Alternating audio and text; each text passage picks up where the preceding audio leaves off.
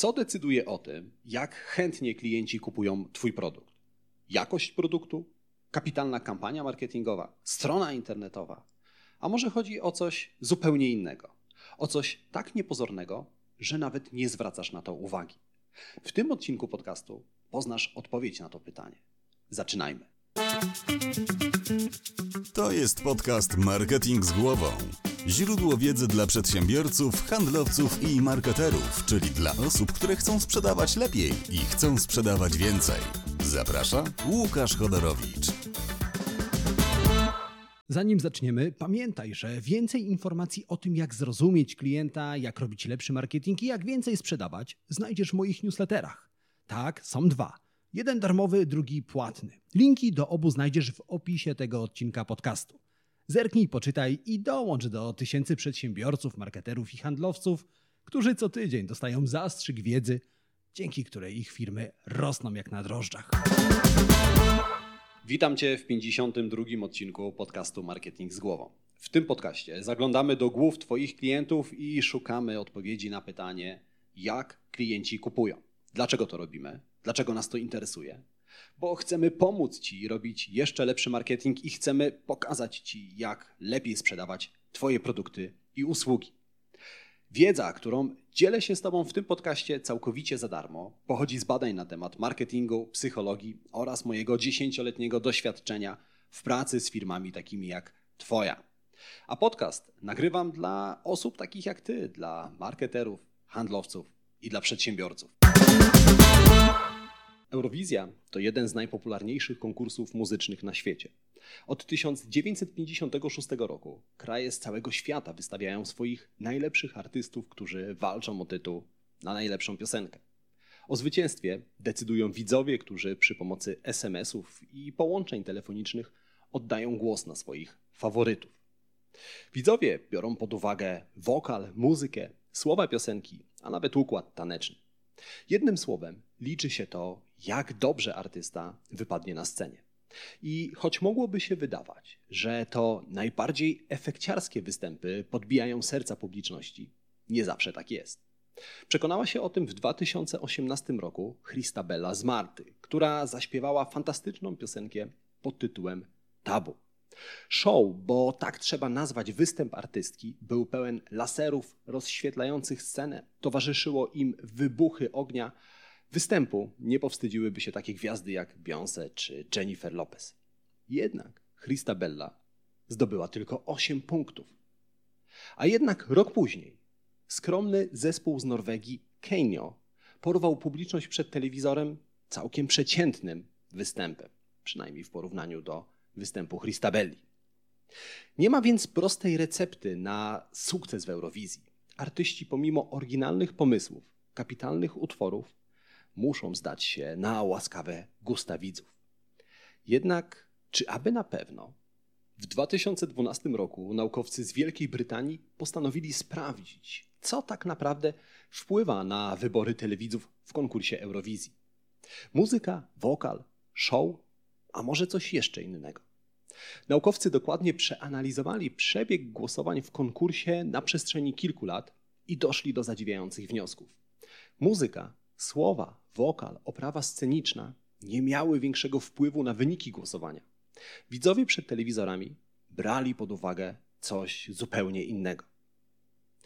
Zasady Eurowizji odbiegają nieco od zasad typowych konkursów. O tytuł najlepszej piosenki walczą artyści, którzy w półfinałach otrzymali najwięcej głosów. Jednak niektóre kraje nie muszą walczyć w półfinale i natychmiast dostają się do finału. To na przykład kraje sponsorskie lub te, które w poprzednich latach zdobyły najwięcej punktów. Te kraje natychmiast dostają się do finału. A więc niektóre zespoły pojawiają się w konkursie częściej od pozostałych. Raz w półfinale, a następnie drugi raz w finale. Mogłoby się wydawać, że artyści, którzy nie muszą walczyć o miejsce w finale, są na lepszej pozycji. Jednak badanie brytyjskich naukowców dowiodło czegoś zupełnie innego. Mianowicie, że artyści, którzy częściej pojawiali się na scenie, częściej wygrywali konkurs Eurowizji. Dodatkowym atutem zwycięzców była popularność, jeszcze przed pojawieniem się w konkursie. Im bardziej rozpoznawalny był artysta w swoim kraju lub poza jego granicami, tym większe miał szanse na zwycięstwo. Co to oznacza? Dokładnie tyle, że o zwycięstwie w konkursie Eurowizji nie decyduje muzyka, ale to, jak dobrze widzowie rozpoznają artystę. Ci artyści, którzy częściej pojawiali się na scenie i poza nią, mieli największe szanse na zwycięstwo. Zgodzisz się ze mną, że to nie jest wymarzone kryterium, według którego powinni być oceniani artyści. Dlaczego tak się dzieje? Odpowiada za to pewien mechanizm, który możemy wykorzystać, aby lepiej sprzedawać Twoje produkty i usługi. Jednak być może pomyślisz, że analiza popularności celebrytów podczas konkursu Eurowizji no nie jest podejściem do końca naukowym. Dlatego, aby wyjaśnić Ci, jak działa wspomniany mechanizm, opowiem Ci o innym, bardzo tajemniczym wydarzeniu. Przez kilka tygodni w dwóch niezwiązanych ze sobą gazetach ukazywały się tajemnicze ogłoszenia. Na pierwszych stronach dzienników w dużej czarnej ramce pojawiały się tureckie albo turecko brzmiące słowa. Kadringa, Saricki, Bivongi, Nansoma i Ikafiti. Jestem pewien, że któreś z tych słów przekręciłem, ale to nie ma znaczenia. Te słowa były bardzo nietypowe. Każdego dnia w gazecie pojawiało się inne słowo. W efekcie niektóre wyrazy pojawiały się częściej od innych. Jedno z tych słów pojawiało się raz, inne pięć razy, pozostałe dziesięć, a niektóre nawet 25 razy. Na ogół czytelnicy nie zwracali uwagi na dziwne słowa. W ciągu tych kilku tygodni zaledwie kilka osób zadzwoniło do redakcji z pytaniem, cóż oznaczają te przedziwne reklamy. Niestety, jak twierdziła gazeta, reklamodawca chciał pozostać anonimowy. Po kilku tygodniach reklamy raptem przestały się ukazywać. Jednak po kilku dniach mieszkańcy studenckiego miasteczka, którzy byli jednocześnie czytelnikami wspomnianych gazet, znaleźli w swoich skrzynkach na listy ankiety zawierające te same słowa. Zadanie w ankiecie było proste. Oceń, które z dziwnych słów wydaje ci się bardziej pozytywne, a które negatywne. Innymi słowy, które słowa wzbudzają w tobie pozytywne emocje, a które negatywne. Wyniki ankiety jednoznacznie wskazały, że słowa, które pojawiały się we wspomnianych gazetach częściej, wzbudzały pozytywne skojarzenia. Natomiast te słowa, które pojawiały się rzadziej, na ogół kojarzyły się czytelnikom negatywnie. Cała tajemnicza sytuacja okazała się eksperymentem nad tak zwanym efektem czystej ekspozycji. Naukowcy zastanawiali się, czy o nastawieniu wobec słów może decydować coś tak niepozornego jak częstotliwość kontaktu z danym słowem. Okazało się, że może. Okazało się, a raczej potwierdziło, że ludzie wyrabiają sobie zdanie na podstawie częstotliwości kontaktu. Mówiąc inaczej, im częściej mamy kontakt ze słowem, przedmiotem, produktem, a nawet osobą, darzymy go lub to większą sympatią. Dlaczego powiedziałem, że dziwne słowa w gazecie jedynie potwierdziły to zjawisko? Ponieważ pierwsze dowody na to, że efekt czystej ekspozycji prowadzi do sympatii, pojawiły się w 1968 roku. Badania nad zjawiskiem prowadził Robert Zając, polski psycholog mieszkający w Stanach Zjednoczonych. Szereg kolejnych badań potwierdziło to, co Zając odkrył. Zanim porozmawiamy o tym, co efekt czystej ekspozycji może zrobić dla Twojego marketingu, zastanówmy się, dlaczego to zjawisko w ogóle działa. Efekt czystej ekspozycji jest głęboko zakorzeniony w naszej naturze. Nasi prehistoryczni przodkowie, aby przeżyć, musieli wykazać się niebywałą ostrożnością. Z puli genów najczęściej wypadały najmniej ostrożne jednostki. Jeśli prehistoryczne jagody budziły jakiekolwiek podejrzenia i wątpliwości, to najrozsądniej było je zostawić i zadowolić się czymś bardziej znajomym, czyli bezpiecznym. Poza tym o bezpieczeństwie świadczyła ilość informacji, które członkowie prehistorycznych plemion przekazywali sobie nawzajem na temat danej rośliny czy zwierzęcia. Jeśli roślina okazała się trująca, pechowy praprzodek, który się o tym przekonał, no nie miał zbyt wielu okazji, aby poinformować o tym współplemieńców. Nasi prymitywni przodkowie częściej dzielili się informacjami o rzeczach bezpiecznych, bo w kontakcie z takimi rzeczami po prostu najczęściej uchodzili z życiem. Dlatego ewolucja wyposażyła nas w całkiem sprytny mechanizm, który przypisuje negatywne właściwości przedmiotom, które pojawiają się rzadziej. Ten sam mechanizm faworyzuje to, co pojawia się częściej, a więc domyślnie jest znacznie bezpieczniejsze. Gdybyśmy poddali Twój mózg badaniu, to okazałoby się, że gdy słuchasz muzyki, którą częściej słyszałeś, w Twoim mózgu pojawia się oksytocyna, czyli hormon miłości. Natomiast gdy słuchasz piosenki, którą słyszysz po raz pierwszy, w Twoim mózgu aktywuje się ciało migdałowate, które jest odpowiedzialne za odczuwanie strachu. A skoro po raz kolejny jesteśmy przy muzyce, to muszę powiedzieć Ci o czymś fascynującym. O czymś, co sprawia, że muzyka jako taka wydaje nam się dużo przyjemniejsza. Psycholog Elizabeth Margulis postanowiła sprawdzić, co mogą zrobić kompozytorzy muzyczni, aby ich utwory wydawały się przyjemniejsze. W tym celu Elizabeth dokonała rzezi na jednym z najsłynniejszych utworów współczesnej muzyki klasycznej, którego autorem jest Luciano Berio. Pani psycholog wczytała do komputera najsłynniejszy utwór kompozytora, następnie w barbarzyński sposób skopiowała fragmenty utworu i wkleiła je w każdą pauzę pomiędzy dźwiękami. Puszczę Ci teraz oba utwory. Ten pierwszy to oryginalny, drugi jest po przeróbkach pani psycholog. Zastanów się, która wersja wydaje Ci się bardziej przyjemna.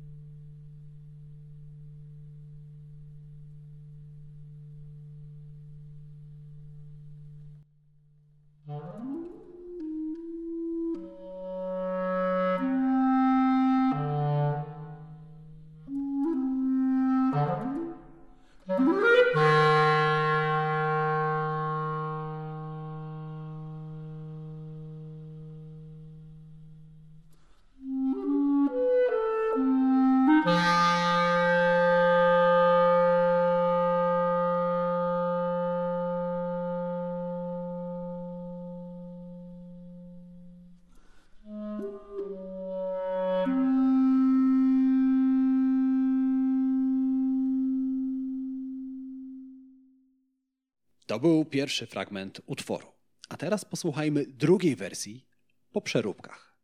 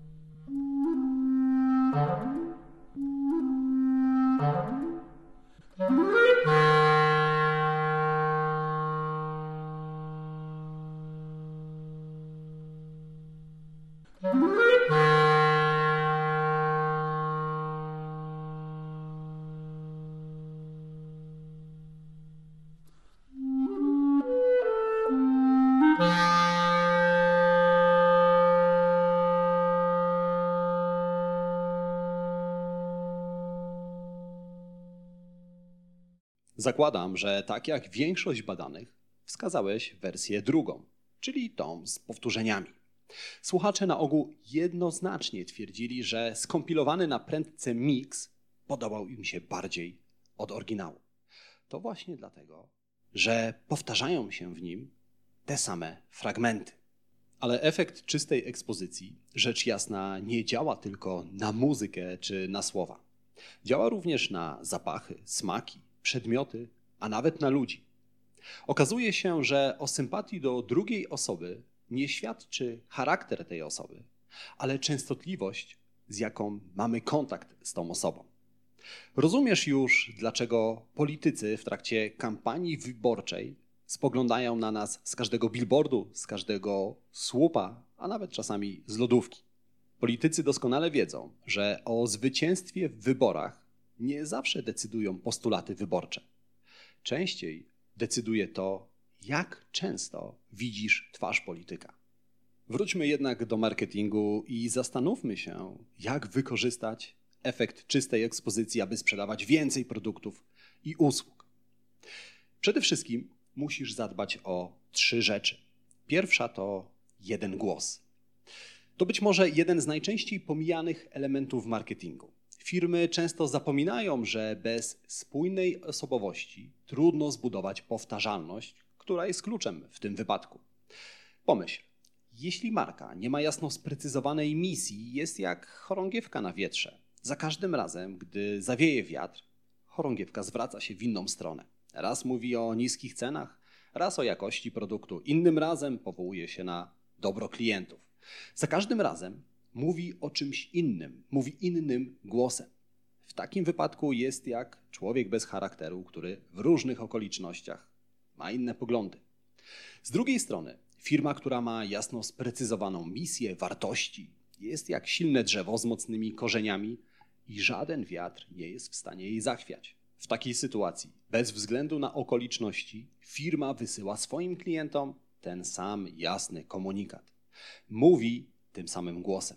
Salon kosmetyczny, który buduje swój marketing w oparciu o kosmetyki najwyższej jakości, nie powinien przyciągać klientów niskimi cenami.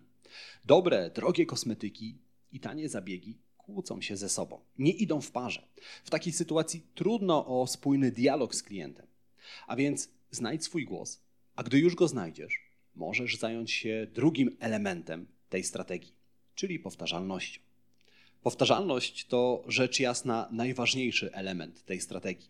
Na pewno już doskonale rozumiesz, że im częściej klienci mają kontakt z Twoim produktem albo z Twoją marką, tym chętniej kupują. Jednak być może nadal nie jest dla Ciebie jasne, jak budować tą powtarzalność. Tutaj bardzo dużo zależy od kanału komunikacji z klientami. No bo inaczej buduje się powtarzalność w internecie, a inaczej buduje się powtarzalność w offline. Internet rzecz jasna ma pewną przewagę nad starymi formami reklamy. Jeśli Twoi klienci spędzają czas na Facebooku lub w innych mediach społecznościowych i chcesz konsekwentnie do nich docierać, nie musisz codziennie siadać przed komputerem i codziennie wstawiać postów w mediach społecznościowych. Wystarczy, że jednego dnia, na przykład w niedzielę, zaplanujesz posty na cały tydzień. Poza tym internet daje nam takie narzędzia jak remarketing, czyli możesz docierać do osób, które na przykład wcześniej odwiedziły Twoją stronę internetową i rzecz jasna są zainteresowane Twoim produktem czy Twoją usługą. Ale jeżeli docierasz do klientów przy pomocy maila, tutaj również masz pewne narzędzia, które pomagają ci zautomatyzować cały proces. Dzięki narzędziom do wysyłania mailingu możesz zaplanować kampanię i o niej zapomnieć. Sądzę, że na rynku jest już niewiele firm, które opierają swój marketing o stare formy reklamy, o ulotki, banery czy billboardy. W tym wypadku rzecz jasna trudniej wykorzystać powtarzalność. Firmy, które drukują ulotki, często dziwią się, dlaczego po jednej partii rozniesionych broszurek nie ustawiają się do nich kolejki klientów. Kluczem jest oczywiście powtarzalność. Bez powtarzalności nie ma wyników. Jedna partia rozniesionych ulotek niewiele daje. Dlatego jeśli w kampanii billboardowej okleiłeś tylko jeden billboard i do tego ustawiłeś go w miejscu, w którym twoi klienci pojawiają się tylko raz w tygodniu, nie licz na lawinę telefonów. Gdy twoi klienci zobaczą twój billboard po raz drugi, zdążą już o nim zapomnieć. I tu dochodzimy do jeszcze jednej kwestii dotyczącej powtarzalności.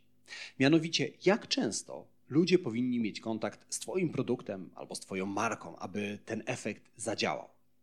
Najprostsza odpowiedź brzmi najlepiej najczęściej. Jednak jeżeli przyjrzymy się tej odpowiedzi nieco bliżej, to zobaczymy pewne nieścisłości. Każdy kanał komunikacji charakteryzuje się inną częstotliwością. Wysyłanie, codzienne wysyłanie maili klientom nie jest najlepszym pomysłem, tak samo jak nie jest najlepszym pomysłem codzienne wtykanie klientom ulotek za wycieraczkę samochodu. W obu przypadkach to może skończyć się źle. Z drugiej strony, nawet dwa posty na Facebooku nie są niczym nadzwyczajnym. Dlatego idealnym rozwiązaniem jest synergia wszystkich kanałów i kalendarz marketingowy. W kalendarzu planujesz, którego dnia, w jaki sposób docierasz do klientów. W poniedziałek to może być post na Facebooku i Instagramie, We wtorek to może być mailing do klienta, w środę kolejny post na blogu i tak dalej, i tak dalej. Liczy się konsekwencja, ale równie ważny jest trzeci element tej całej układanki widoczność. Nawet jeśli znajdziesz swój głos i będziesz konsekwentnie powtarzał swój komunikat, niewiele osiągniesz, jeśli nikt cię nie usłyszy. Dlatego musisz być widoczny. Ludzie dostrzegają to, co nowe, oryginalne i świeże. Twój post, reklama, ulotka znikną w morzu innych reklam, jeśli się nie wyróżnisz. Jak tworzyć wyróżniające się reklamy? Najkrótsza odpowiedź brzmi inaczej niż wszyscy. Idź pod prąd i przełamuj schematy. Ludzie rzadko kiedy dostrzegają to, co powszechne i pospolite. Klienci przyzwyczajają się do schematów, a ty wyróżnisz się tylko, jeżeli te schematy przełamiesz. Jeżeli prowadzisz restaurację, a konkurencja wabi klientów zdjęciami dań, ty czasami pokaż co innego. Pochwal się zdjęciami pracowników, filmami z kuchni. Gdy konkurencja mówi o najniższych cenach, ty mów o jakości. Gdy twoi konkurenci zalewają internet reklamami, ty idź pod prąd i wyślij klientom tradycyjną kartkę, a jeszcze lepiej próbkę twojego produktu. Gdy robisz wszystko jak inni, stajesz się jednym z wielu. Gdy wszystko robisz inaczej, stajesz się jednym pośród wielu. Zdaję sobie sprawę, że droga pod prąd może wydawać się straszna i przerażająca. Na ogół mamy tendencję do robienia rzeczy w sposób bezpieczny, czyli tak jak inni. Na ogół to się sprawdza. Gdy inni stoją na przejściu dla pieszych, bo pali się czerwone światło, no to lepiej, żebyś nie wyłamywał się z tłumu i został na tym przejściu. Natomiast ta zasada nie sprawdza się w marketingu. W marketingu obowiązuje odwrotna zasada. Musisz być widoczny, musisz wyjść przed tłum. I w ten oto sposób powiedziałem Ci o trzech rzeczach, które pomogą Ci wykorzystać efekt czystej ekspozycji w Twoim marketingu. Czas więc na podsumowanie i trzy najważniejsze rzeczy, które warto zapamiętać z tego odcinka podcastu Marketing z głową. Jednak zanim powiem Ci o tych rzeczach, mam do Ciebie prośbę. Jeżeli w tym odcinku dowiedziałeś się czegoś nowego i znasz kogoś, komu ta wiedza również może się przydać, udostępnij podcast dalej Możesz to zrobić na Facebooku, możesz to zrobić w mailu, możesz napisać do znajomego na Messengerze. Jakikolwiek sposób będzie świetny.